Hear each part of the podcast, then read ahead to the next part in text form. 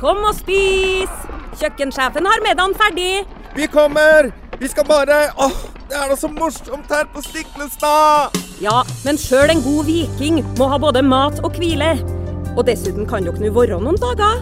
Velkommen til Scandic Stiklestad. Moderne fasiliteter i historiske omgivelser. Det var her det skjedde. Det er her det skjer.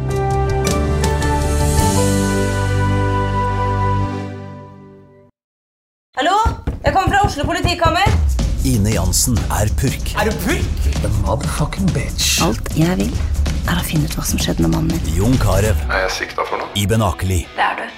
Ole So, Lars Berrum og Big Daddy Karsten. Hvem sin side er du på, egentlig? Anette Hoff, Tone Danielsen, Kommer du fra Afrika?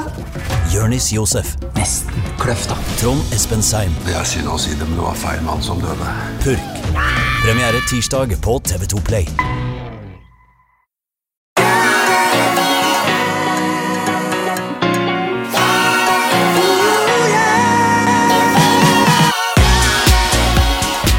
Velkommen til podkasten Jernsterk, i dag med Anders Myhrvold. Velkommen tidligere ishockeyproff i NHL. Det er jo det som gjelder når du er proff i ishockey. Det er NHL. Anders Myhrvold. Takk skal du ha. Så hyggelig å være her. Velkommen til Ole Petter Gjelle. Selv om det er litt dumt å si Ole, eh, velkommen til deg, i og med at du er med på hver eneste podkast. Ja, men det går fint, og Jeg er jo veldig glad for at vi endelig har fått en ekte hockeyspiller. Nå har jo du prøvd å introdusere iallfall en av gjestene våre som proff, eh, nærmest eh, hockeyspiller, uten at han var det. Ja, Lars Erik Lund, som jo da er direktør i Veidekke, som Sånn er det med når du ikke gjør jobben, ikke sant? Eh, Du googler altså Lars Erik Lund, tidligere hockey, så tenkte jeg jøss, er han tidligere ishockeyspiller? Men du kjenner jo han Lars Erik Lund. Den ekte Lars Erik Lund, hockeyspiller. Vålerenga-kapteinen gjennom mange mange år. Like gammel som meg. Jeg er oppvokst med han, jeg. Så at han er jo en legende innen norsk hockey. Han har eh, vært en stor stjerne i den hjemlige ligaen. Og så har han selvfølgelig hatt mange landskamper. Og så er han en sånn eh, litt sånn kul dude. Litt sånn avslappa, Men er, er ikke alle spiller. hockeyspillere har inntrykk av det? Ja? De er, litt, det er gamle- ganske høyt den- sånn kulhetsfaktor. Jo, det skal være litt kul. Det er litt sånn, det er klart image det skal være litt sånn røft og tøft og sånne ting. Det er vel ikke alle som er det, men det er litt sånn, for det er jo en fysisk idrett. Så Ja. at det blir jo en, kanskje en spesiell sjanger som søker seg dit. da. Ja, og så er det jo også noe med dette her med en forståelse av hva som er Altså, det er mye ikke fair play i hockey, men det skal være ærlig. Skuespill, Ja. for eksempel, er ikke Nei, godtatt. Det er, litt sosialt liksom, selvmord. Det er selvmord, ja. Så det er det med å, å eh, Du skal ikke vise smerte på en måte på banen. Eh, så får en smell, litt som syklister her. altså Ganske likt som syklister, at du går opp på sykkelen og sykler en. Samme med hockey, du får et skudd på foten som er veldig vondt, eller du får en litt tung takling, så skal du komme deg bort til boksen og bytte. Du Ikke later som du har det bra. Det er ikke som fotball, altså. helt stikk motsatt, så vi får veldig vondt i hjertet. For at det, og det er litt sånn urettferdig hvis du tar fotball, for at det, fotball er jo en, egentlig en, en mye røffe garer, men så gjør de dette dumme, dumme greiene som ødelegger så mye. Og det er, eh, det er tabu. Hvis du hadde gjort det på hockeybanen, så får du kjeft av dine egne Ja, da får du medspillere. bank i garderoben ja, egne medspillere, med egne medspillere. Da får kutt ut det der. Det skal ikke, må, sånn kan vi ikke opptre. Men jeg tenker det er en ting som er litt kult med hockey, synes jeg. da. Eller Det er flere ting som er kult med hockey. Jeg er hockeyfan, men um, ikke hockeyspiller. Det er dette Nei, du med- hadde blitt knust på hockeybanen, jeg, jeg, jeg hockey- jeg er ikke noe hockeymateriale.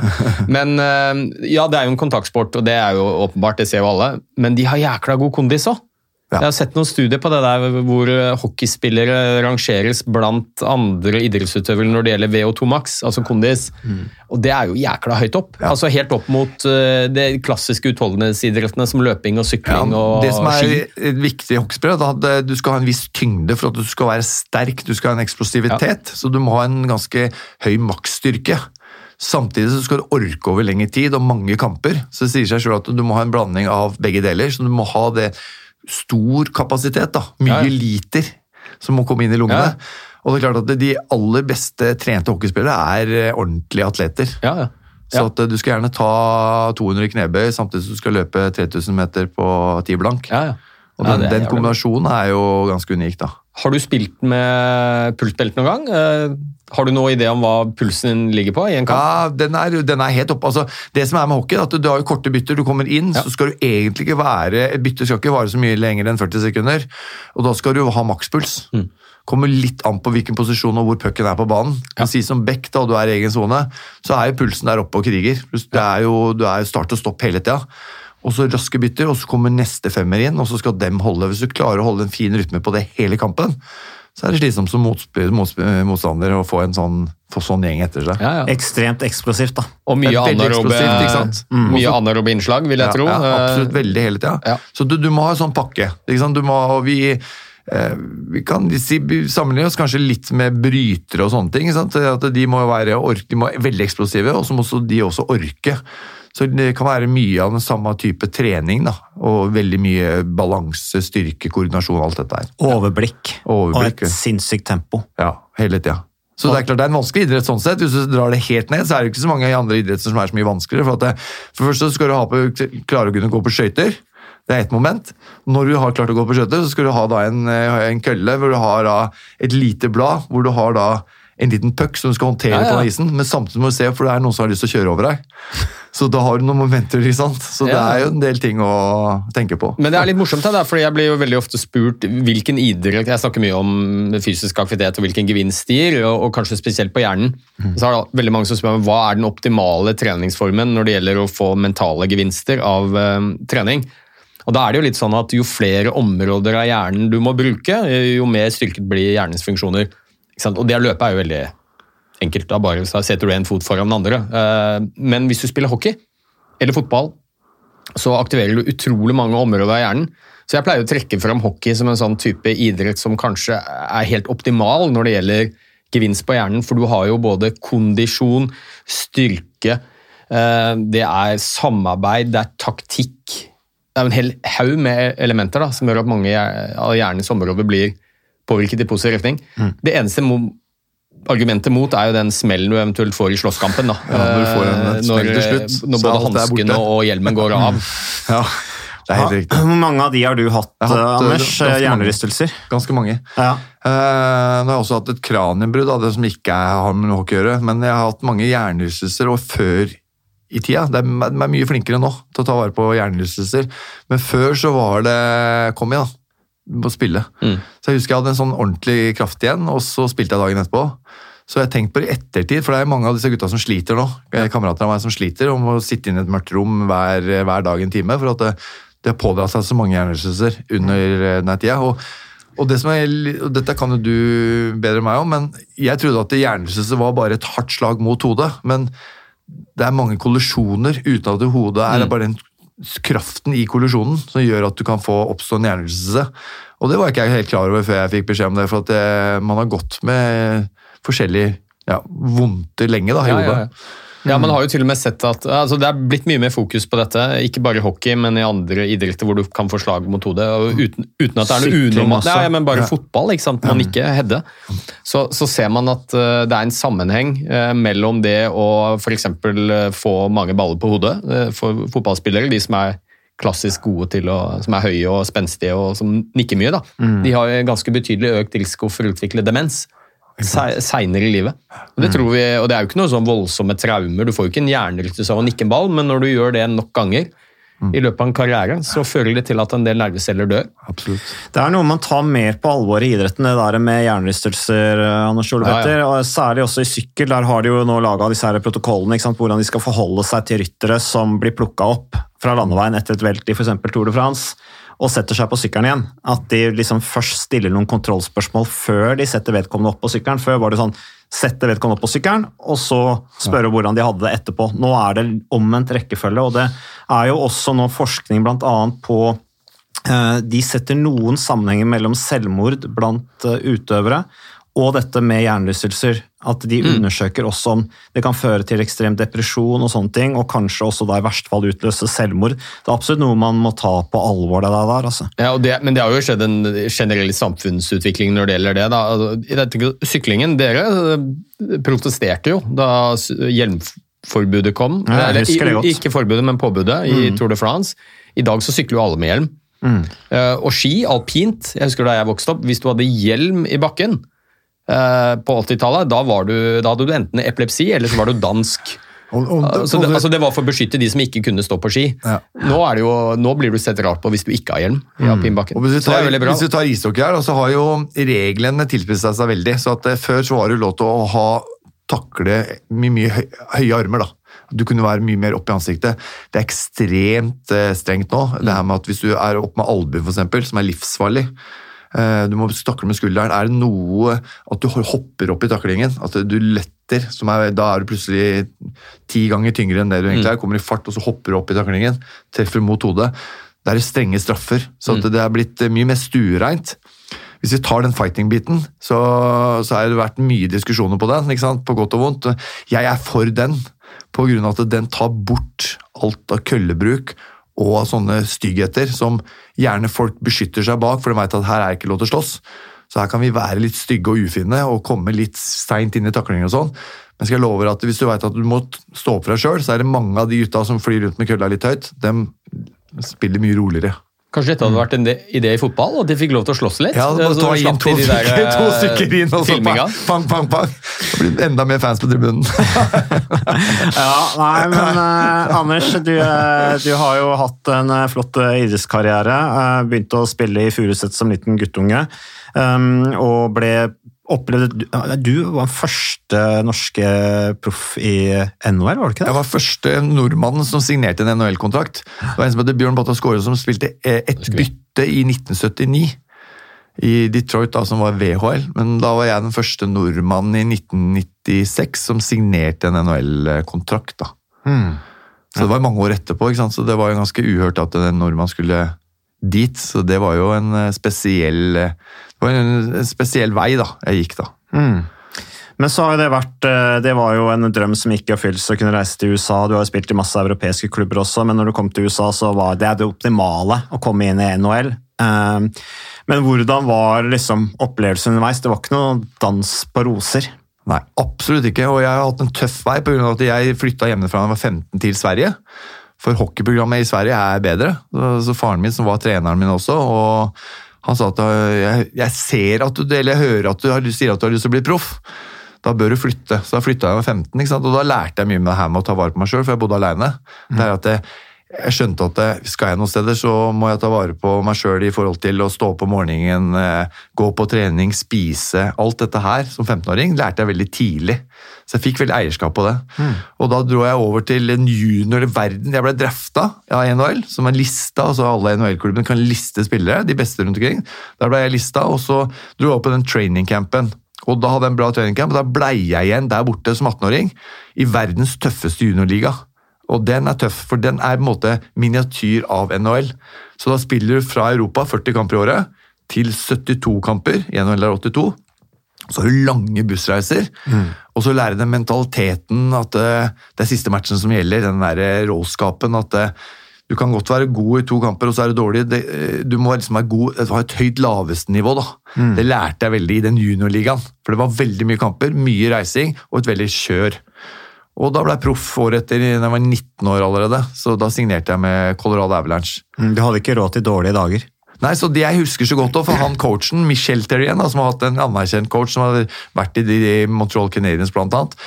Jeg var jo en av de bedre på det juniorlaget, øh, og det er jo en juniorliga hvor 70% på den tida, 70% av NHL-spillere kom fra den juniorligaen, så det var mye stjerner i den ligaen. og Jeg hadde en veldig god posisjon i et veldig godt lag. Og fikk spille mye og gjorde mye poeng og var framtredende. Og da husker jeg at jeg hadde spilt og skulle spille seks kamper på ni dager med bussreiser. Det er veldig kjør. Og da husker jeg at jeg spilt veldig bra. Jeg spilte mye òg, i tre-fire kamper. Og så coasta jeg litt, for jeg var sliten. Jeg var litt, Match fire, match fem. Jeg var litt, Dette kommer vi til å vinne, så jeg dro meg, tillot meg sjøl å bli litt roligere og mer avslappa og bare coaste litt. Og tok hun meg inn på kontoret med en gang. Og bare sa Mirroll, what the fuck you think you are? Sånn. Og da, du, har én ting du må lære, at ditt laveste nivå må bli høyere. Ellers så kommer du aldri til å bli proff sånn. Aldri. Nei. Og det kjente jeg det bare jeg fikk sånn is i, gjennom ryggen. At, oi, for at jeg skjønte sjøl at jeg var, da var jeg litt lei, litt trøtt. Akkurat som folk går på jobb. I dag funker det ikke helt. Så jeg har lært meg det at de dagene jeg veit at åh, i dag butter det litt, må jeg finne et eller annet å skru på for å komme meg opp i modus. ikke sant? En av mental teknikk. Mental teknikk, ikke sant? Og det lærte jeg allerede da. Det, og det er ikke en prosess som har gjort på 1, 2, 3.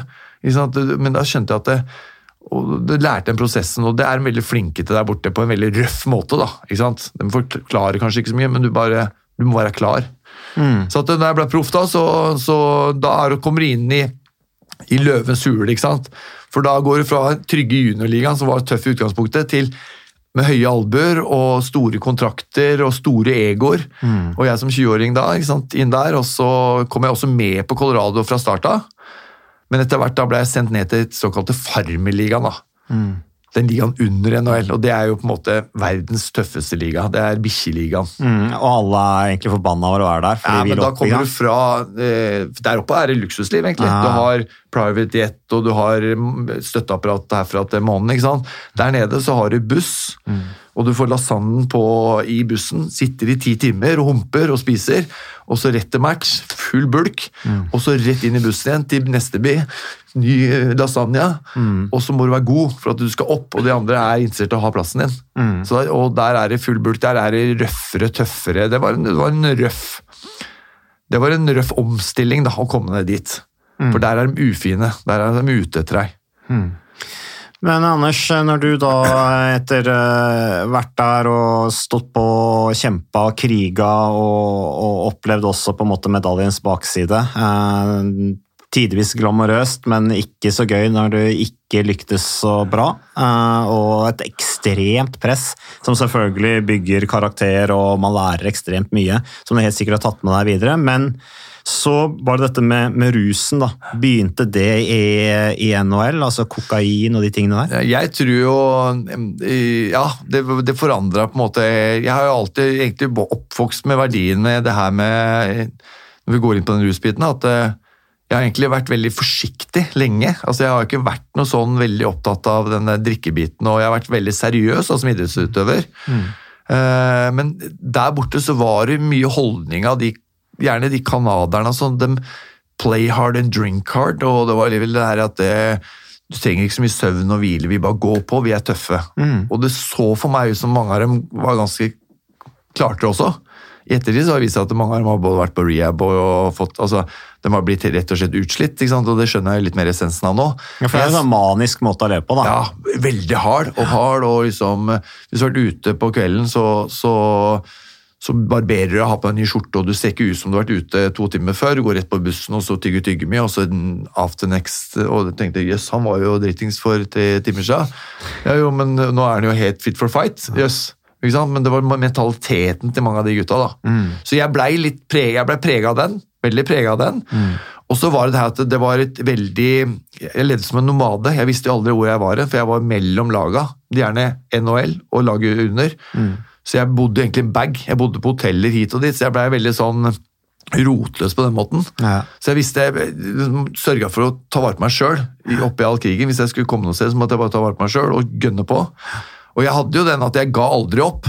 Men så kom det jo og, og jeg har vært mye opp og nede i forskjellige NHL-lag og flytta hit og dit. Så det var egentlig når jeg, mitt gjennombrudd som NHL-spiller, hvor ting gikk litt gærent. Da har jeg debutert som 20-åring, og nå var jeg 28 år og signert med Detroit. Så var jeg egentlig god nok for NHL. De åtte åra har jeg egentlig brukt på å bli god nok. Og da, da gjorde jeg egentlig, hvis vi kommer inn på den rusbiten, da, da, ble jeg tilbudt som jeg har blitt hele tida, ble jeg tilbudt etter en kamp øh, øh, stripe med kokain. Og den har jeg sett, det har jeg sett før jeg har sett det og takka nei, men da Jeg veit i ettertid at det var på en måte en anerkjennelse øh, av eh, en av de gutta på laget, som da ga meg den stripa.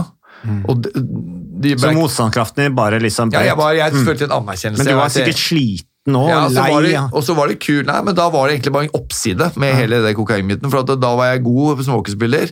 Tok den, det var ikke noen konsekvenser i hele tatt. Vi hadde en kjempefest den dagen.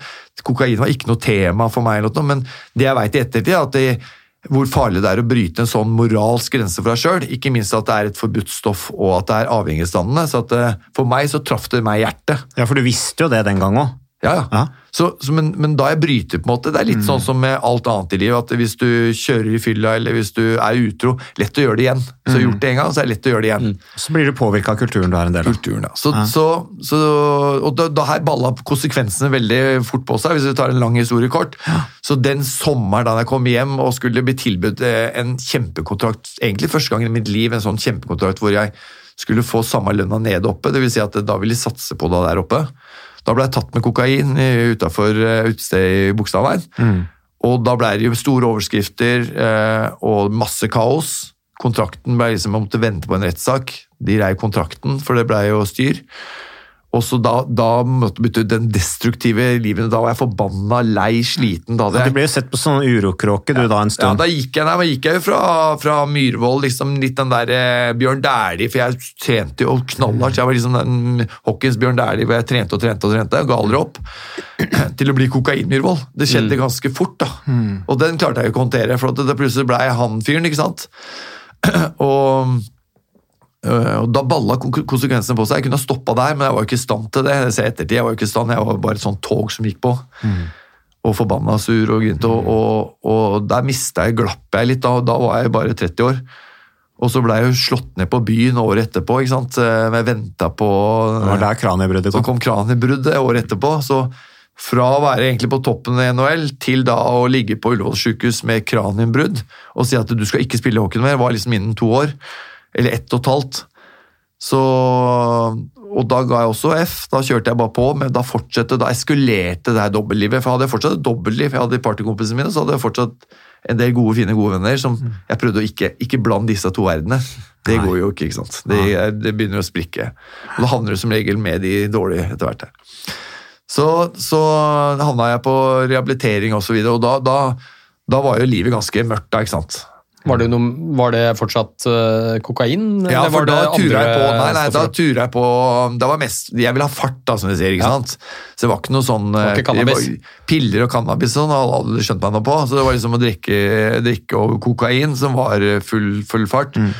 Men den uroen og den den skal jeg si, rastløsheten som jeg hadde i kroppen da Jeg har gått igjennom dette, liksom reflektert mye over dette, jeg har gjort oppgaver på dette. så Den var ekstrem. Det tankekjøret jeg hadde, eh, og alt det der, så var jeg jo ikke i, i rute i det hele tatt.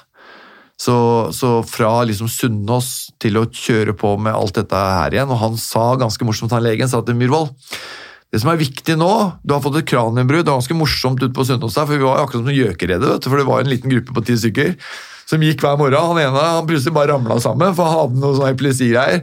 Og han andre hadde korttidsminnet var borte, så han skjønte jo ikke Hei, måtte forklare. Så vi var en gruppe der, sånn som gjøkeredde, Så sant? gikk rundt der på Sunnaas. Men så hadde jeg en idé inni hodet mitt, at, for jeg hadde jo 85, jeg hadde åpna skallen. Så jeg hadde en idé at det, det var et VM noen måneder etterpå, hockey-VM, og Roy Johansen hadde jeg følt jeg liksom Han tar meg inn der.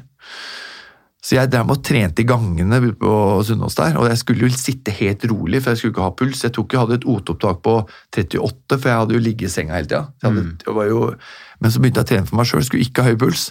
Men jeg løp i trappene, tenkte jeg, og så skata jeg i helgene, så skata jeg i Skedsmo ishall. Og så prøvde jeg å ha han Roy Johansen varm på at jeg er klar til VM. Og jeg skulle jo egentlig ikke spille hockey mer, for det var jo Og dette skjønte han legen, for at han sa etter hvert at Myhrvold skulle ta den O2-testen igjen, vet du. Så var den betraktelig mye, den var jo mye høyere. Altså. Du Og i all du verden har du fått så høyt O2-opptak? Så sier jeg til alltid, det ligger nok sånn genetisk, Så jeg at det, det ligger, jeg prøvde å lure henne. Altså. Nei, Myhrvold, du driver og trener et eller annet sted. Hvor er du trener den? Du skal, du skal sitte rolig. Få kjeft for å trene. Du skal, ja, du skal sitte rolig, for det var, skallen var jo i den stand at vi skulle ta det helt med ro. Skulle ikke se på TV, ingenting, for det, det var jo det var ikke noe bra, eller Jeg var som å ha en piggtråd i hodet, så jeg hadde ikke noe bra oppi der. Ah. Så jeg tror ikke at det har gått så bra sånn med huet sånn etterpå. Men uh, du fikk ikke noe Men det gikk greit Nei, trene, eller? nei ja, ja, for jeg, jeg, ja, det, er helt, det jeg gønna på, jeg. Ja. Men så skjønte jo dem da at eh, Og Roy tok en avgjørelse sånn at du skal jo ikke være med noe som helst, du skal jo ikke spille hockey. Han fikk jo, Dette her kom jo opp for en dag, ikke sant. Og da mista jeg også Da var jo den prosessen ved rakna alt det. Nå gir jeg faen. Nå gir jeg faen. Fuck this. Og da så nå skal jeg vise alle. Og da gikk jeg all in på den festebiten, og da var det bare heiser det går. Og den Du tror at du er i et farvann som er ganske langt ute, men det, det fins flere farvann her eh, bortover. Så jeg liksom begynte da Jeg så på det på sånn Si at du har et sånn høyhus med tolv etasjer, hvor du da begynner å miste ting, da. Den jobben mister du, og så mister du de gode kompisene, altså økonomien begynner å renne ned. så du kommer nedover og lenger og lenger ned, så jeg var ganske langt ned på den der, det høye det huset etter hvert. Et halvt år etterpå. Og jeg da fant ut at jeg til slutt uh, la meg på som rehabilitering. da. Og det var, Det var ikke egen vilje. Det var heller ikke egen vilje. Det var, jeg, da ville jeg ha tilbake plassen. Jeg kan si ærlig, da ville jeg ha tilbake plassen på landslaget, og ville tilbake inn i ishockey. Hadde jeg fått en beskjed om at hodet ditt eh, vil fungere igjen, så at uh, vi kan eh, sakte, men sikkert komme tilbake. Så Men det da- var, var, var ditt initiativ å gå på rehabilitering? Det var ikke noen andre Nei, som sa, var, trakk deg dit? nei liksom? det var mange som spurte nå må du legge deg inn, eller nå må du gjøre et eller annet. Ja, for du hadde jo de vennene dine som ja, var De gode den- vennene ja. som pusha meg dit. sant? dit. Og så sa også landslaget og den da Vålinga som ville signere meg at eh, ta en rehabilitering. Det må du gjøre, liksom. Så jeg gjør, jeg kan si etter det, jeg gjorde jo bare for at eh, jeg skulle please folk. Og det har du sett mange gjort i ettertid, og jeg gjorde jo det. Jeg dro på den rehabiliteringa for at eh, når jeg kom ut etter sju uker, er ganske stygt det, så var jeg plutselig en helgen. For da gikk jeg ut selvfølgelig ut i avisen og prata om dette her, som jeg også ikke skulle gjort. Det er også feil. For da, jeg trodde jo da i mitt hode at det, alle visste at jeg hadde problemer med dette her. Men hvis, og det var ikke tilfellet. Det var egoet mitt som prata om det. Men når jeg hadde gått ut og sagt det i avisen etterpå, da visste alle det. Så da ble jeg paranoid. Da ble jeg plutselig sånn paranoid, For da begynte folk liksom å liksom går det greit med det, liksom. Og da turte jeg ikke å gå ut. Da var det sånn som å skåle med vann og var sånn overdreiv. Det ble jo veldig mye følelser som eh, Da skulle jeg prøve å, leve et edru liv, ikke sant? Og det var vanskelig. Eller det var håpløst. Vi hadde jo Sverre Goldenheim her, du kjenner jo han. Jeg Ja, ja. vil anta at du har hatt noen fester med Altså, Sverre. vi har hatt eh, fester sammen. ikke sant? Vi har møtt crossover i flere nachspiel på vei hjem, på vei dit, ikke sant? og så videre. Vi møter hverandre der. ikke sant? Ja. Så vi har også hatt det mye morsomt sammen. Så, men Der er det litt likheter òg. Han var- Ja. måtte også på rehab liksom, og kom tilbake, og da var det, da var det vann og sånn. Nå har han liksom balansert det litt, Ja, da, men han ja. holder seg unna drugs. Ja. Så for meg er det ikke noe mellomting. Eh, Jeg har jo eh, holdt meg unna både drugs og alkohol og noe, noe som helst i snart ni år. For meg er det ikke noe mellomting, for det ene leder til det andre. Så det, det er min eh, greie. at Jeg har prøvd det òg, men det har ikke fungert for meg. Så jeg har et mye bedre liv nå, men det som er litt greia med drugsen og alkoholen, er at det, når den er borte, så sitter du igjen med problemet. For da sitter du igjen med følelsen, for det er jo måtte, alkoholisme er en følelsesmessig sykdom, hvor, hvor jeg, jeg da skjønte etter hvert at det, det er følelsene mine jeg må gjøre noe med. Og så Jeg går jo på ettervern og, og går i grupper hvor jeg da liksom lærer egentlig å sette ord på følelsene. Og, og, ikke, I dag fremdeles, Ja, ja, ja. Jeg har gått ettervern og, lært ekstremt mye om meg sjøl. For liksom, jeg trodde jo frykt, ordet frykt, det var liksom, da er du en, er du en kylling. Da er du redd. Det, er liksom, det kan du ikke si at du er redd ting. Men frykt er jo tusen former for frykt. Frykt møter man jo på hele tida, i ulike former. Så jeg synes det er veldig interessant når jeg kjenner at jeg får puls, eller blir litt urolig, eller blir så jeg, hvor, hvor, kommer den, her- hvor kommer den fra? Så er det et eller annet som kanskje som trykker, da. Om, det er et, om du skal holde et foredrag, eller om du skal ta en telefon. Så det syns jeg er litt interessant, for at mange, mange da kryper seg inn i sin lille hule, og så gjør ikke det. Men jeg veit at hvis jeg skal vokse, da, så må jeg, da må jeg bare komme meg gjennom den. Så kjenner jeg, kjenner jeg på den der tryggheten. Og det, det er det å leve et edru liv. Ikke sant? Det er derfor vi drikker, det er derfor vi ruser oss. For vi er for feige til å ikke tørre å leve et edru liv. Er rein, det er jo en, en drug. Ja, eller at vi har behov for å på en måte koble av. Ja, og men jeg, og jeg tenker det der ekstreme presset du var utsatt for. da. Ja, ja. Og, sant, du begynte allerede som 15-åring, sette ganske tøffe krav til deg sjøl. Hadde ambisjoner, hadde muligheter. gikk liksom, Veien gikk trappa oppover. Havna i NHR. Ekstremt press, høyt turtall hele veien. Og til slutt så bare brytes liksom, øh, den evnen til å ta gode beslutninger ned også pga. miljøet du er en del av. Så trår du over streken, og så er det i gang. da. Eh, Så jeg tenker liksom at jeg tror jo det gjør noe med folk når de lever på så høyt turtall, med så høye ambisjoner, og egentlig lever suksessen over så lang tid. da. At de presser seg for hardt også, Ole. Altså, du må gjøre noe med om, liksom, dømmekraften din også, at det blir en slitasje. Jeg veit ikke. Jo, det tror jeg nok.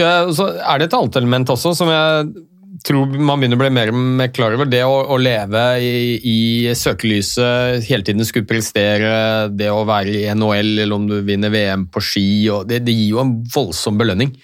Oppe i eh, belønningssenteret vårt, rent kjemisk. Mm. Det å være best, det å lykkes, eh, dopamin og alle disse stoffene her. Eh, Og de får du jo også når du tar kokain, amfetamin. Det er jo egentlig mye av det samme, kanskje bare i enda større grad. Så det er nok noen som opplever at når man da Ukas annonsør det er eh, HelloFresh. Og eh, hvis du nå går inn på hellofresh.no og bruker koden 'fresh hjerne', så kan du få opptil 1779 kroner rabatt på da de fem første matkassene dine, hvis du ikke har prøvd Hello Fresh enda. Og Ole Petter, vi er jo glad i Hello Fresh i podkasten Jernsterk, selvfølgelig fordi at de er en annonsør. De er med og bidrar til å spre det glade ordet om fysisk aktivitet og god helse, men i tillegg så har jo vi også nå lang erfaring med Hello Fresh eh, selv, så vi må jo si at det har vært gode erfaringer til nå. Ja, absolutt. Visste du, Mats, at HelloFresh det er faktisk verdens ledende matkasseleverandør? Og tilbudene til HelloFresh gjør det enkelt å lage gode og varierte retter som skaper matglede. Og matglede vet du, det er like viktig som hva du putter i munnen. Det å spise mat med folk du trives med. Så gjennom 25 nye og inspirerende retter hver uke så bidrar HelloFresh til dette. Du kan bestille ekstra porsjoner om du får gjester, eller hoppe over uke hvis du f.eks. skal bort. Og Det er ingen bindingstid, og du velger leveringstidspunkt og dag selv, så leverer HelloFresh matkassen din akkurat når det passer deg. Ikke dårlig, Mats. Nei, det er veldig bra. Så, øh, og dette er med enklere hverdag, det kan jeg nå skrive under på. For nå, forrige erfaring vi hadde forrige uke, Ole Petter, det syns jeg var Det var jo et gjennombrudd øh, for familien Kaggestad. For da lagde rett og slett barna De lagde middag og serverte middagen, så den var ferdig laget og servert da når eh, min kone Marita og meg kom hjem fra jobb. Og jeg mener Det var jo bare helt utrolig. Eh, Det var helt fantastisk. Det ble en nydelig middag. Riktignok de, de, de, de roter og søler litt, det gjør de. Så, men, men maten ble veldig god. De var veldig stolte over å kunne å ha både laget og servert maten, så det var helt fantastisk. Så vi har jo da i siste så har vi eh, spist eh, bl.a. sitron- og dillstekt hyse med ovnsbakte grønnsaker og aioli. Eh, Vi har spist middelhavsinspirert kylling. Taco, så finnes det mange ulike typer taco. F.eks. vietnamesisk taco, som vi har spist. Thailandsk vegetargryte. Veldig riktig og sunt eh, i dagens eh, samfunn med, med fokus på bærekraft. Hvitløk og chilistekte reker i spagetti, det var definitivt en vinner. Så det er så flott. Du får rimelig mat ved at du kun betaler for det du trenger, så det blir ordentlig feststemning med Hello Fresh. Det gjør det, og nå er det bare for deg å gå inn på hellofresh.no og bruk koden FRESH gjerne. Da får du opptil 1779 kroner rabatt på de første fem matkassene dine, hvis du ikke allerede har prøvd HelloFresh. Du kan også bruke rabattkoden hvis du har stoppet abonnementet ditt for tolv måneder siden eller mer. Er det noe å lure på? Håper maten smaker godt. Bon appétit! Kanskje er ferdig med idrettskarrieren sin. Hva gjør man nå? Man er, har en identitet for å være en vellykket og Jeg kan, det, kan jeg, det kan jeg skrive under på, det han sier der. Og det, har, og det har vi jo sett ganske mange eksempler på. Eh, som er ferdig med karrieren, og så er det søren, hvem er jeg nå? Hva er min identitet? Jeg mangler denne belønningen. Du er, ja, du er glemt òg, på en måte. ja. Det er, når det er over, så er det liksom glemt. Det er helt stille. Ja, også En annen ting Anders Ole Petter, det er altså når du, det er dopamin og belønning altså med å leve suksessen. da. Få den der anerkjennelsen. Det blir jo en rus, det også. Og så etter hvert, altså Det sier jo mange som ruser seg at de skal prøve nye ting, og så blir det bare verre og verre. ikke sant? Til slutt så havner de på, på heroin. Og det er jo litt sånn også Når du har fått den der mengden dopamin med den suksessen og det kjøret på høyt turtall i et miljø som, med et ekstremt press, så blir det til slutt liksom, ok, jeg må prøve noe annet for å bli tilfredsstilt. da. Og det er det, derfor havner på rivet, for kokainen fungerer ikke til en stund. Du må ta mer og mer og mer, og da, når du tar mer og mer, så blir du, får du noia, så får du paranoia, og så begynner du å tro folk er ute etter deg. Da, da har du ikke den gleden, den euforiske gleden du fikk i begynnelsen. da. Og jeg kan si sånn i dag at jeg er en dopamin-junkie, kan jeg si. Jeg er edru, nykter, men jeg, jeg trenger det rushet. Men så vet jeg også at det, når det rushet kommer, det kan komme gjennom da, trening, som vi prater om. Da får jeg et veldig rush. Konkurranse, hvis jeg konkurrerer med noen, kjenner jeg på veldig rush. Belønningssystem, bare du, du, jeg elsker det. Men på et eller annet tidspunkt da, og da kan jeg få sånn utladning, bli nesten litt sånn åh, etterpå, ikke sant? Og da har jeg liksom litt teknikker, nå hadde jeg visst dette da, det her med at jeg må ha en stillestund, noen kaller det meditasjon, og jeg måte prøver bare å, og det er jeg trent på, for det hadde jeg ikke noe trua på, men det er bare å koble helt av, og ikke få noen tanker inn i hodet, For at jeg er veldig flink til å gnage på én tanke, og så går den kverna hele tida. Jeg er blitt mye flinkere til å bare skille ut. Og da kjenner jeg en helt annen ro i kroppen. Så at det, det der trøkket, og jeg kan, det, det syns jeg er litt deilig òg, for jeg, jeg tror at det er noe gærent med meg, liksom. For jeg elsker liksom. Det er en del ting jeg bare elsker. Og så kan jeg få sånn tomhet etterpå. For eksempel øh, hvis jeg har vært og konkurrert, og så etterpå, så jeg, hvis jeg har tapt, så kjenner jeg på en, en tomhet og helt sånn åh. Ja, og da drakk vi jo før. Da drakk vi på det, drakk vi på og brukte andre substanser for å som du sier, at ta en liten sånn flykt fra virkeligheten. Og til slutt så er ikke det konkurransemomentet der som vi prata om i, i hockeyen i tilfellet her. Og da ble det bare det, det substanse igjen. Men Føler du at uh, har treninga hjulpet deg til å bli kvitt rusen? Ja, treninga er, du, treninga er ekstremt viktig. Det er ett verktøy som er ekstremt viktig. For, for det gjør at det, det bygger også på en måte selvfølelsen og selvbildet. Det er din egen motor. Det er den som den skrur deg sammen. Det er et par ting som jeg har eh, vært ekstremt god på. Det er eh, hatt rutine på den treninga. Også søvn. Søvn, vet du, Før så var liksom det der med at jeg skulle ikke sove, for vi var tøffeste gutta og ditten og datten, men søvn er det aller viktigste. og jeg, Det er så bra for jeg kan bli min egen sånn testperson. på grunn av at Jeg drikker ikke. Det er ikke noe, uten, det er ikke noe sånn at jeg, før kan jeg si at jeg var litt ute i helga. Jeg legger meg egentlig akkurat på samme tidspunkt om det er lørdag eller mandag, for da er jeg trøtt. Og så står jeg opp veldig tidlig. Men så ser jeg det søvnen, hvis jeg har akkurat de si mellom syv og ni timer, og da jeg, kjenner jeg meg uthvilt, og da er jeg helt klar. Orda kommer lettere, jeg er smartere. Jeg er brightere, jeg at, og da kjenner jeg på en sånn styrke og sånn tilfredsstillelse at jeg ikke drikker. Ja. For det skrur opp hele systemet. Nei, og dette er helt naturlig. Dette er Ja. helt naturlig. Og så veit jeg da ikke sant, at eh, alkohol gir deg ikke noe bra søvn. Jeg trener jo mange av dem som da drikker stort sett hele tida, for de skal på lunsjer og de skal på ditten og datten. Så går de glipp av mye. For at jeg får den her eh, følelsen av endorfiner på, en, på steder hvor eh, andre ikke får det. For at eh, kroppen er laga for den er uthvilt, og den er litt glad og tilfreds. Og det kan være bare å sitte her, så kjenner jeg på å, dette er en god følelse. ikke sant? Jeg kjenner meg liksom ikke dau eller lav på batteri.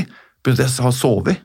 Så søvn for meg er Og da orker jeg å prestere mye mer på trening. Det kjenner jeg med en gang. Og det visst selvfølgelig dette er. Dette har jo sikkert ikke noe nyrevolusjonerende. Hadde jeg bare visst dette her for mange mange år siden, så hadde det jo selvfølgelig vært annerledes. Men jeg er så glad for at jeg har oppdaga det.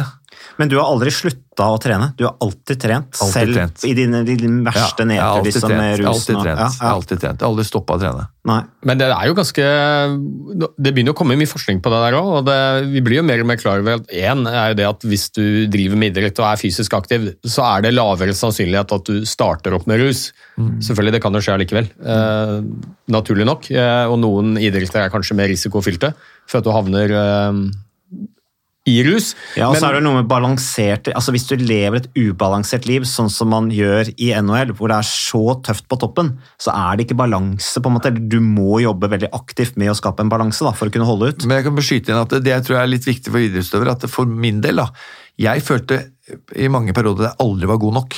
Aldri, enda folk fra Norge så opp til meg at oi, her er han en NHL-spiller, men jeg følte meg aldri god nok. Jeg følte meg aldri, jeg titta på feil folk hele tida, hadde jeg bare vært der. Så jeg følte meg aldri god nok, så jeg, jeg følte meg egentlig, jeg, selvbildet mitt var ødelagt. liksom. Så når jeg begynte å ruse meg, så fikk jeg en sånn åh, deilig, nå trenger jeg ikke tenke så mye på det greiene her. Så jeg gikk hele tida og strevde og strevde, og strevde, og så følte jeg meg ikke god nok. Nei. Så det hele tatt, jeg så ned på den prestasjonen jeg gjorde hele tida. Enda den rundt meg sa faen, det her var jo helt rått, da, det som skjedde nå. Så var jeg aldri fornøyd. Og da når jeg begynte da å ruse meg, og hockeyen var borte, da var det veldig vanskelig for meg å hente meg inn igjen. Jeg har fått dette igjennom det vi holder på med nå, så har jeg fått mye glede da. ikke sant? Men hadde du, Var trening en del av rehabiliteringen din? Rusrehabiliteringen? Ja, ikke, ikke, ikke, Altså sånn strukturelt i det opplegget du var, eller var det bare noe du drev med på egen hånd? Nei, for akkurat når jeg var på den eh, Det er veldig viktig å skille mellom det. For at det, det der med å kutte ut rus, det, det, da kan man ikke trene. For trening er på en måte en flykt. det, altså at Hvis du da du skal få orden på få bort rusen og alkoholen, så er det veldig lett å flykte i trening. Bare å kjøre på med trening for å ikke tenke noe særlig på noe annet. Eller gønne på med jobb. eller så det er veldig viktig. Jeg, han lærte meg det ganske bra på rehabiliteringa. Han eh, nordlending som bare sa til Myhrvold, første dag på rehaben, så sier han Myhrvold, og jeg var klar, akkurat som training camp i NHL. Ja, hva skjer da? Nå er jeg klar, jeg. Jeg er klar. Så sier han nordlendingen Myhrvold, sett deg her. Så satt jeg på en stol i første etasje, og så gikk de ned, en gjeng da, ned i kjelleren. Satt jeg en time og to, og kom nå opp igjen. da. Og jeg spratt opp. Ja, hva som skjer, da? Hva som skjer? Jeg bare ble sittende når det er lunsj, og så ble sittende, så satt jeg der da i tre, i tre dager på den stolen. Og jeg husker så var huet mitt bare spant, og jeg tenkte det er det dummeste rehabiliteringen, det betaler vi masse penger for. Skal jeg sitte på en stol oppi her? Og det har jo på en måte, det han ville at jeg skulle bare sitte og kjenne på hvilke følelser som kommer. For da hadde jeg vært meg da, så hadde jeg jo gjerne fått løpt, og fikk ikke lov til å løpe eller noe, for da må jeg kjenne på hva som kommer av følelser. Og Åssen følte du det? sånn? Ja, ja. Jeg visste jo ikke helt hva jeg følte, men jeg var bare veldig urolig. Men har du alltid vært sånn, eller har du blitt sånn gjennom, gjennom karriera og det kjøret du på en måte har vært med på? Fordi Jeg husker jeg leste Mette Bugge-reportasje om deg, eller en artikkel om deg, hvor hun stilte spørsmålet har du noen diagnoser. Ja. Nei, altså, de er, hvis, er, hvis du har en sånn energi...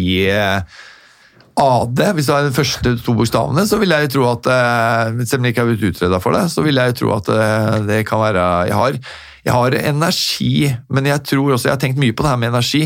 For jeg også kan bli sliten og alt dette her. Eh, Men jeg, det å skape energi, det gjør jo at man får også energi. Så det, det, jeg har jo mine steder hvor jeg bare slapper helt av og kobler av. Mye, mye bedre enn før. For før, hvis jeg skulle da gå på høygir hele tida, så sier seg sjøl at det da går ut et stopp. Så jeg har, en, jeg har jo mine ventiler nå, som jeg gjør helt bevisst. ikke sant? Ja, Fordi at du har lært deg at det må du gjøre. Det må jeg gjøre, ikke Ja, sant? Fordi at Jeg du har har en sånn- sannsynligvis det iboen i deg ennå, at du, er, du, Jeg du kjører på, kan gå på og stopp, og det, er, det har jeg som en sånn Men det er ikke sånn at det, Jeg tror at det må jeg bestemme meg for også. Det her med at eh, Vi har liksom sånn motto i den Camp Mirvold at vi ikke tenk og ikke føl, men ikke tenke, ikke føle, kun gjøre. Og det er fordi den handlingen du gjør, gjør jo at eh, du kommer på riktig stedet. Det er mange som setter seg bare ned og så tror de ting kommer til seg. Mm. Du må gjøre noen handlinger, både fysisk og mentalt, hvis du skal komme noen steder. Ja, ja. Da er vi tilbake til litt av det vi snakket om i forrige episode. eller den ja, en episode. En episode vet du når det publiseres. Jo, men vi, vi snakker veldig mye om at vi skal eh, endre tankemønsteret vårt først. og så, ikke sant, Kognitiv atferdsterapi, samtaler. Endre hvordan vi tenker på eller, følelsene våre, og så følger det til atferdsendring. Mens Egil Martinsen er jo da en god eh, Han er jo en tilhenger av kanskje gjøre det motsatte. Endre atferd først, og så påvirker det tankemønsteret vårt.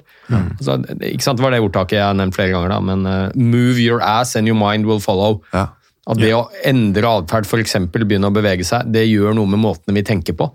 Også om oss selv. Ja, jeg tenkte vi kunne ta oss en prat med et annet kompanimann, eh, Dag Otto Lauritzen også, for der er det også en betydelig press, liksom. Men det er jo hele konseptet, handler jo på en måte om å presse folk. Og det er jo litt sånn mm, uten at, altså Det er jo frivillig å være med på trening til Camp Myhrvold, men dere kjører på litt. Det skal, Ja. du, dere utfordrer folk litt da, til, å, til å få ut liksom Jeg vet at det, eh, gjennom, jeg har fått veldig mye erfaring med de åtte åra. Altså, det er ingenting som er så vanskelig for noen i hele verden, er å forandre på en vane. Det er det vanskeligste som fins. Det har jeg opplevd nå i tykt og tynt gjennom de året her.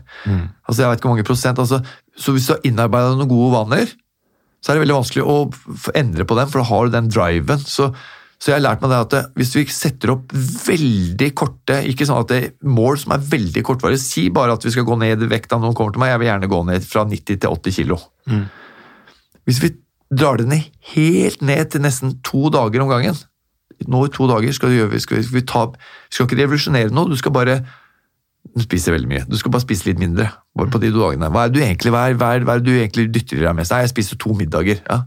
På de to dagene skal du bare spise én middag. Bare én middag. På de to dagene klarer du det? Ja, ja, ja. Jo, jo, men da har vi fått den der også, for det, det, der, det der går, funker ikke, det der med at man setter for måla for langt fram. For da blir de lei og ukonsentrerte, og så blir det for mye å tenke på, og så gidder de ikke til slutt, for de får ikke de måla de vil ha. Nei. Vi tenker bare på prosessen. Og så kommer jo de kiloene ikke sant? bare sånn gradvis, for da skjønner jeg at du spiser mindre, så går, kommer du til å gå ned litt, litt vekt. ikke sant?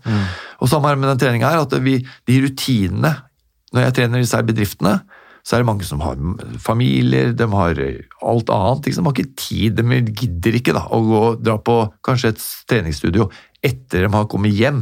Og det skjønner jeg veldig godt. Så de er veldig privilegerte at de har fått lov at vi kommer på arbeidsplassen i arbeidstida, gjerne kanskje litt før, og så får de trent da, ikke sant.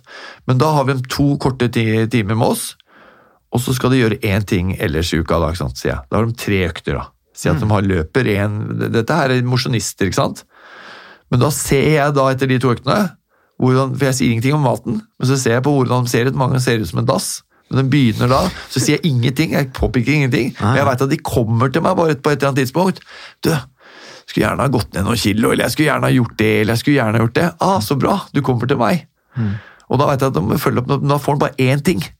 Får du to, så klarer de ikke. Det funker ikke for dem. Jeg klarer ikke, klarer ikke å gjøre så mange endringer, vet du. Kan ikke gjøre så mange endringer. Du gjør én, og det er ganske funny, for hvis du klarer den ene for, Det sier fatter'n nå. Ja, Du kan så- ikke få mange endringer av gangen. Og det er så, det er så spooky, for at eh, du må gjerne gjøre, hvis du gjør sånn sånn og setter opp den lista til dem, og setter opp på det der, så funker det ikke helt da, men du skal bare gjøre én ting. Er det for disse nyttårsforsettene ryker? Det snakket Det vi om i ryker, er- fjor. ja. ikke sant? Du skal Ja. gjøre alt på en gang. Ja, det går det tror jeg er jækla viktig. Det der at uh, Kanskje skal du fra A til Å Ja. på lang sikt, Ja. men først fra A Ja. til B. Ja. Så fra B til C. Bitte, bitte små delmål med kort varighet. Ja. Et par dager, en uke kanskje. Så det- ikke tenke for langt fram i tid. Ja, nei, Det er å sette opp en liste over suksessfaktorer. da. Hva skal til for å nå det målet? Og så er liksom, men prioritere to av de, eller én av de. Ja. For du kan ikke gjøre alt på en gang. Så, men den kortsiktige tankegangen om to dager Du har jo også snakket med mange pasienter som kanskje ikke har vært like motivert da, og kommet med like sterke egne utsagn som det de gjør kanskje deg, Anders. Men eh, hva tenker du om liksom den der kortsiktige horisonten som Anders snakker om her? Nei, jeg, jeg tror det er kjempeviktig av flere grunner. Kanskje en av de viktigste er at hjernen vår er elendig til å tenke langt fram i tid. Vi er mest opptatt av hva som skjer her og nå. Det er jo grunnen til at eh, ingen sparer til pensjon, for øvrig. eh? For du, du vet det er viktig, men det er så jækla langt fram i tid. Så da bruker jeg heller pengene nå for en umiddelbar gevinst. Så ha fokus på det nære uh, i kort tidshorisont, og så én ting av gangen. Og så er det jo noe som er litt kult, og det er jo at hvis du klarer å gjøre en endring, så følger en del andre ting etter.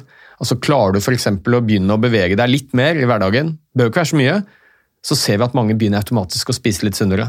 Kanskje får de litt mer søvn.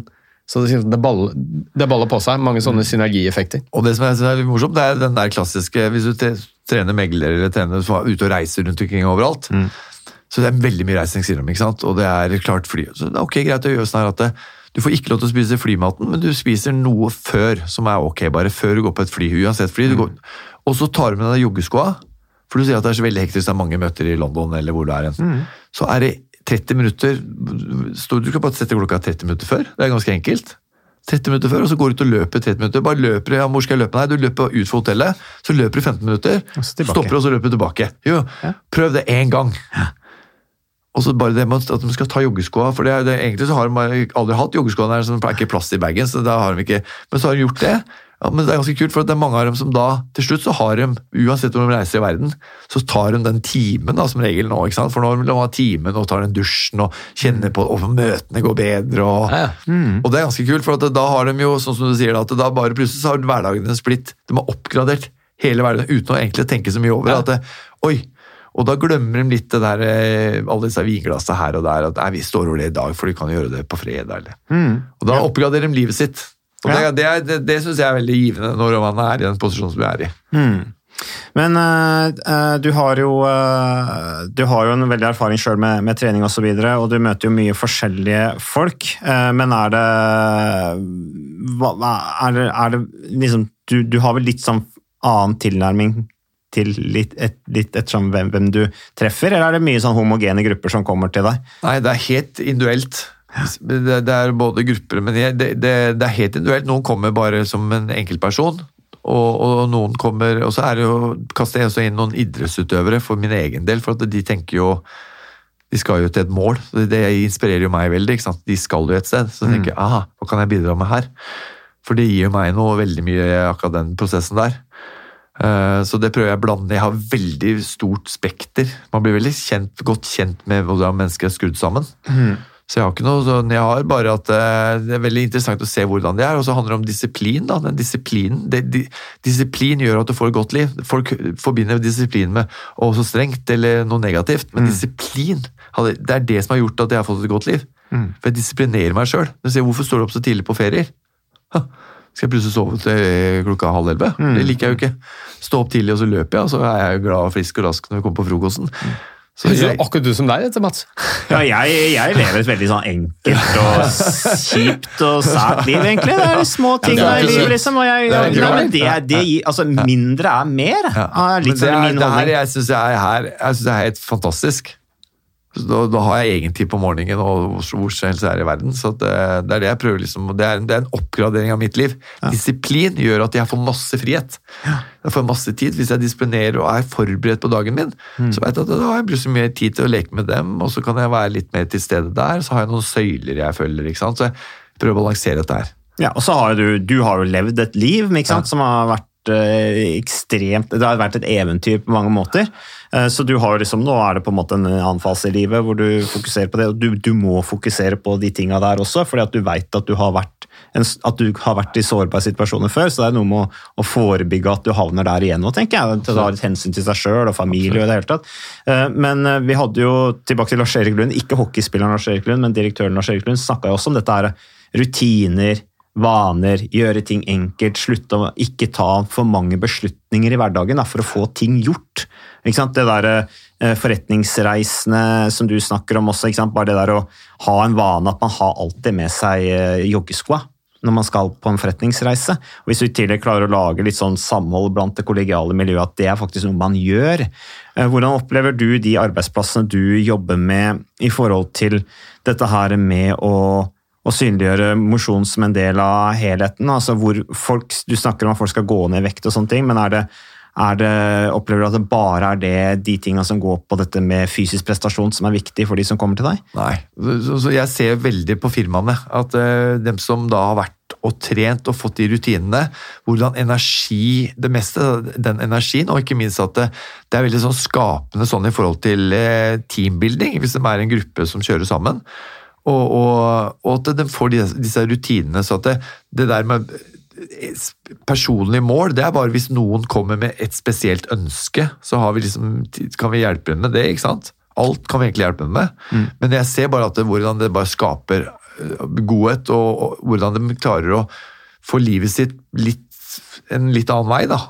Ja, også at direktøren trener sammen med de som sant, er underordna. Ja. De tinga der. Det, det blir jo en helt annen Det blir, eh, stevning. det blir veldig lett, det er veldig lett for de firmaene å prate om eh, business etterpå, for at de har trent og svetta sammen. Så det er veldig lett for dem å etterpå å, å løse ting. ikke sant? Meglebord og sånn som kommer ned og kjører. Så det, det, er, det, er, bare, det er en veldig vinn-vinn, selvfølgelig. Men jeg, sett, jeg følger deg på, på sosiale medier. Sånn, jeg ler, jeg ler litt ja, ja. Jeg ser hvordan du pusher folk, Anders. Eh, føler du liksom at, eh, at Er det en litt sånn eh, En metode som kanskje flere burde tillatt seg å bruke? At, at vi er litt for forsiktige med folk. og At kanskje folk, at det går litt sånn uh, Unnskyld uttrykket, går faen i folk. da, At du får ut den litt. Alt det, det er helt klart. Og det, det, når jeg står foran en dør, så tenker jeg sånn Uansett hva jeg har opplevd før den døra, så tenker jeg hva er det de vil, opp, hva er det de vil at jeg skal ha? Hva er det de vil ha av meg på andre sida der nå? Hva, hvilke, hva er jeg? Hvem er jeg? Jo, jeg er en trener som skal gi dem energi. Ikke sant? Og det er jo essensielt i de jeg trener, for hvis du sitter der, det er en traus gjeng med kjedelige Nå skal jeg ikke si revisorer, men, men de, de bare sitter der. Så hva, hva er det de vil ha, egentlig? De vil ha litt galskap og litt sånn go og litt trøkk og litt, kanskje en liten kort bare sånn bang, bang, bang. Og da bare wow, da skjer et eller annet. Du ser noe med hjernen. Det kan du, du bare wow, her kommer jeg! Høy! Ja. Og så bare bort og slå litt på dem og, og bryte litt og sånn. ikke sant? Den som kanskje ikke har Og da syns de det er Jeg ser at de koser seg og gleder seg, og de synes dette er gøy. ikke sant? Det skaper noe. Ja. Og den galskapen Jeg bryr meg jo ikke hvis jeg hjelper én til å komme opp og så der, hvis jeg står opp klokka seks og sier at hør her nå, nå må jobben gjøres i dag, Mm. så kan godt fire synes at det, ah, det der dustet der har jeg hørt før nå. Hvis det er én som sier faen, det der hjalp meg, vet du, det, det er nok for meg. Ja. Og det, det hjelper meg også. Jeg har jo masse sånne grupper med disse firmaene, og da kjører vi på den. For det, det handler liksom om å bare få et spark i rumpa, og så må vi gjøre det, og det handler om handling. Ja. Det, er alltid, det er bare å få på skoa og gjøre det. Ja, og så blir det fort veldig sånn corporate, veldig sånn Ja. formelt og kjedelig. Ja, og det er jo, Folk er jo egentlig ikke sånn. Nei, de er ikke sånn helt Folk syns det er befriende å liksom gi litt gass. Ja, gi litt faen og gi litt gass. Ja, men det, er, det tror jeg er litt undervurdert. Jeg tror også vi er litt snille noen ganger. For det, det å bli utfordra, det er litt sånn basalbehov for oss mennesker òg. Da føler vi virkelig at vi utvikler oss. Så jeg tror nok av og til vi kan være litt uh, tøffere. Og spesielt hvis du har en god relasjon til de du jobber med. At de stoler på deg og Ja. vet hvem du er veldig- og hva du står for. Ja, Man får en god relasjon, eh, det gjør man jo, ikke sant. Men, eh, men det jeg opple- også opplevd eh, gjennom den tida, det er jo at sånn som du pratet om Lars Erik da, med depresjon og sånn, Mm. så er det jo mange Nå er det jo mest menn da, som har kommet til meg sånn i, ja, fra 40 til 55 med at de har angst. De sliter med angst, og de sliter med liksom eh, Føler ikke at de presterer. De har en god stilling, de har en god familie. De, de som har egentlig utad, så ser faen Det her ser jo veldig bra ut. Men du opplever økt åpenhet altså blant ja, menn? Ja, veldig blant de menn. da. Eh, Det er no- noen jenter, men mest menn da, i mitt tilfelle har vært da, for jeg trener kanskje hovedsakelig mer menn i de gruppene. Det kan være derfor. Det, ikke sant? Så det, Og det synes jeg er veldig interessant, for det er noe som er veldig lærerikt, for jeg er i den alderen sjøl. Og så prøver jeg å sette meg inn i det, og, det er, det er, eh, og da, da veit jeg at det, de har jo psykolog, Noen går til psykologer og sånn som de kan fortsette med, men så gjør vi bare små endringer. For hva er det du egentlig gjør? De setter seg ned, eller legger seg ned, og du kan få lov til å sove og gjøre hva du vil. men vi prøver å gjøre noen rutiner. Det eneste jeg kan bidra med der, er jo egentlig noen samtaler, og så må vi gjøre noen rutiner på bevegelser og litt sånne ting. Og det er mange av dem som kommer seg veldig. Og nå, skal ikke nå er ikke jeg noe eh, ekspert på depresjoner, det er forskjellige lag der, men det er mange som det slipper, da. Både, altså, det får liksom det der endorfinet og det der Bare sett i gang. Men de er Jeg skal ikke si late, men de må bare gjøre, da må de gjøre jobben. Bare Ikke tenk så mye nå, og så bare gjør du det, og så tar du en kald dusj etterpå, og så setter du i gang med dagen din. Men det er vel noe med at de har ikke troen på at de kan løse noe med å være aktiv. Det har vi jo snakket om også med, med Egil Martin, psykiateren på Modum Bad osv. Det der å starte med handling, og så kommer tankene etterpå. Eh, Og det der at ja, fysisk aktivitet det hjelper jo at folk har respekt og tro på det. De tenker at det er ikke noe, noe bidrag. Men det er jo også interessant som du sier, Anders, dette med, med økt åpenhet rundt dette med mentale lidelser. Min påstand er jo at alle har et eller annet, liksom. Eh, Det er bare måten de takler det på som er forskjellen. da. Eh, Så ja. Jeg tror en veldig undervurdert eh, effekt av det å, å, trene, det er mestring. Om du er deprimert, får en pille, eller om du er rusmisbruker og tar, eh, tar et eller annet rusmiddel, så skaper jo i utgangspunktet ikke det noe særlig mestring, men det å ta tak i noe ting sjøl. Du blir litt sånn din egen terapeut. da. Og, og i alle fall Hvis du gjør ting hvor du klarer å nå de målene du har gjort, det skaper eh, voldsom mestringsfølelse og økt selvtillit. Og det, det var det jeg begynte på i sted, men som jeg ikke kom helt i mål med. Var, jeg sa noe om eh, at det å være i aktivitet, det forebygger rusmisbruk. Men vi ser også at de som sliter, som har vært rusmisbrukere, og som skal prøve å holde seg rusfrie, så ser vi at treningen har en viktig, det er en viktig komponent. Jeg tror på flere nivåer. Det ene er at eh, du skiller ut en del av disse endorfinene og dopaminlignende stoffene, som gir en belønning på et lik, litt lik måte som rusmidlene gjør. Så du får litt av den belønningen som du kanskje da savner fra rusen. Men kanskje enda viktigere er at det skaper mestringsfølelse. Du, du får større grad av tro på deg selv. Men det, det, det du sier der, det bruker jeg, den, den, akkurat den du sa at de målene setter, og det gjør jeg sjøl hver eh, morgen, og så har jeg prøvd å få andre til å gjøre det, det er å sette seg noen mål i løpet av dagen. Drømmer er bra, altså, alle disse drømmene er fine, og det skal du ha, men for å da få, et, få selvtillit, så må du på en måte nå de målene du har satt deg, om det hva da er å ta den løpeturen og gjøre en del ting da, som kreves disiplin og handling. Og da, liksom, da er det viktigst at du belønner deg sjøl gjennom å si at hei, det der gjorde jeg faktisk, det var en bra greie. Hvis du sier det til deg sjøl, så får du den der følelsen av mestring. Og da bygger du selvbildet. Det jeg gjør det sjøl. For jeg vet at i dag skal jeg egentlig gjøre det samme som jeg gjorde i går, men nei, ikke helt, for at jeg møter på den og den og den. Det? Og da belønner jeg meg sjøl med å si at det der gjorde jeg faktisk bra. Og da du kjenner du på mestring, og det er viktig. Og der kommer det inn det, det, Og det er, ingen, det er mange som ikke gjør. Men Anders, opplever du nå at selvtilliten din er bedre enn hva den var når du spilte ishockey? For du snakka om dette her at du aldri var god nok. Ja. Det snakka vi med Lars-Erik Lund om også, han var aldri god nok. Eh, Jeg har sagt det mye også, jeg er al- jeg aldri god nok. Eh, Men opplever du på en måte at det er tilbakelagt stadie nå? Jeg tror, jeg tror ser på sånn at Selvtillit Jeg vet at jeg har vært god hockeyspiller, så at selvtillit har jeg Når du er god på noe, så, så jeg beskytta meg igjen bak hockeyen på at selvtillit har jeg i ishockeyen. For meg sjøl, når det gjelder selvbildet derimot, jeg, der har jeg trykt meg sjøl ned. ikke sant? Og det tar lengre tid. Det handler om verdier og handler om andre ting du må liksom gjøre riktig for deg sjøl for, for, for å bygge selvbildet. Der er jeg på en helt annet sted i dag. For jeg, jeg har et annet verdinett enn jeg hadde da. Så jeg har noen plattform å stå på, så at jeg kan se på meg sjøl og si at jeg er faktisk en bra kar. Ikke sant? Jeg er ikke full av dritt, jeg er løgnhals, eller jeg ljuger ikke, jeg er ikke utro. Jeg, jeg, sier, jeg gjør ikke de tinga som da gjør at det et dårlig selvbilde. Selvtillit kan du få gjennom å mestre ting på kort, bare sånn kort greie. Ja. Så, så, så det selvbildet mitt i dag er mye sterkere. For at jeg lever på en mye ærligere måte, og så er jeg blitt selvfølgelig mye mer kjent med meg sjøl, for jeg veit hva jeg ikke liker. For jeg har gått igjennom en del rehabilitering, og jeg går på ettervern, og jeg syns det er veldig interessant. da. Og da er det jo mye lettere å vite hvem man er, helt enkelt. Mm. Du beskytter deg sjøl, og så Ja. er jo det mestring, det òg. Ja. Så, ja, ja, så det er riktig, det. Eh, verdier og alt dette her er, er bra. Eh, tida går jo fort, Anders. Du er jo busy mann. Eh, du også, Ole Petter. og du skal jo av gårde på reise og greier, så men Må tusen- fylle ut alle covid-skjemaene eh, før jeg forstår meg på flyet. Det er mye styr med covid-greiene. Bare kjapt i avslutning med covid, Anders. Får du trent folka nå i covid-tid? Vi gjør, vi følger restriksjoner i Camp Myhrvold, og så har jo regjeringen kommet med at vi kan kjøre i grupper på forskjellige steder, og så kan vi også få fortsette med innetrening, bare holde avstand og så videre, så det har fungert veldig bra.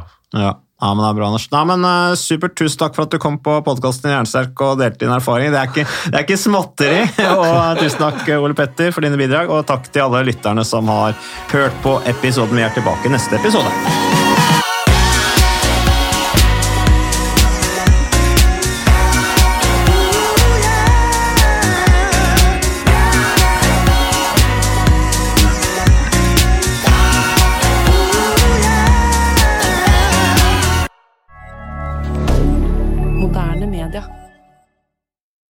Har du et enkeltpersonforetak eller en liten bedrift? Da er du sikkert lei av å høre meg snakke om hvor enkelt det er med kvitteringer og bilag i fiken, så vi eh, gir oss her, vi. Fordi vi liker enkelt. Fiken superenkelt regnskap.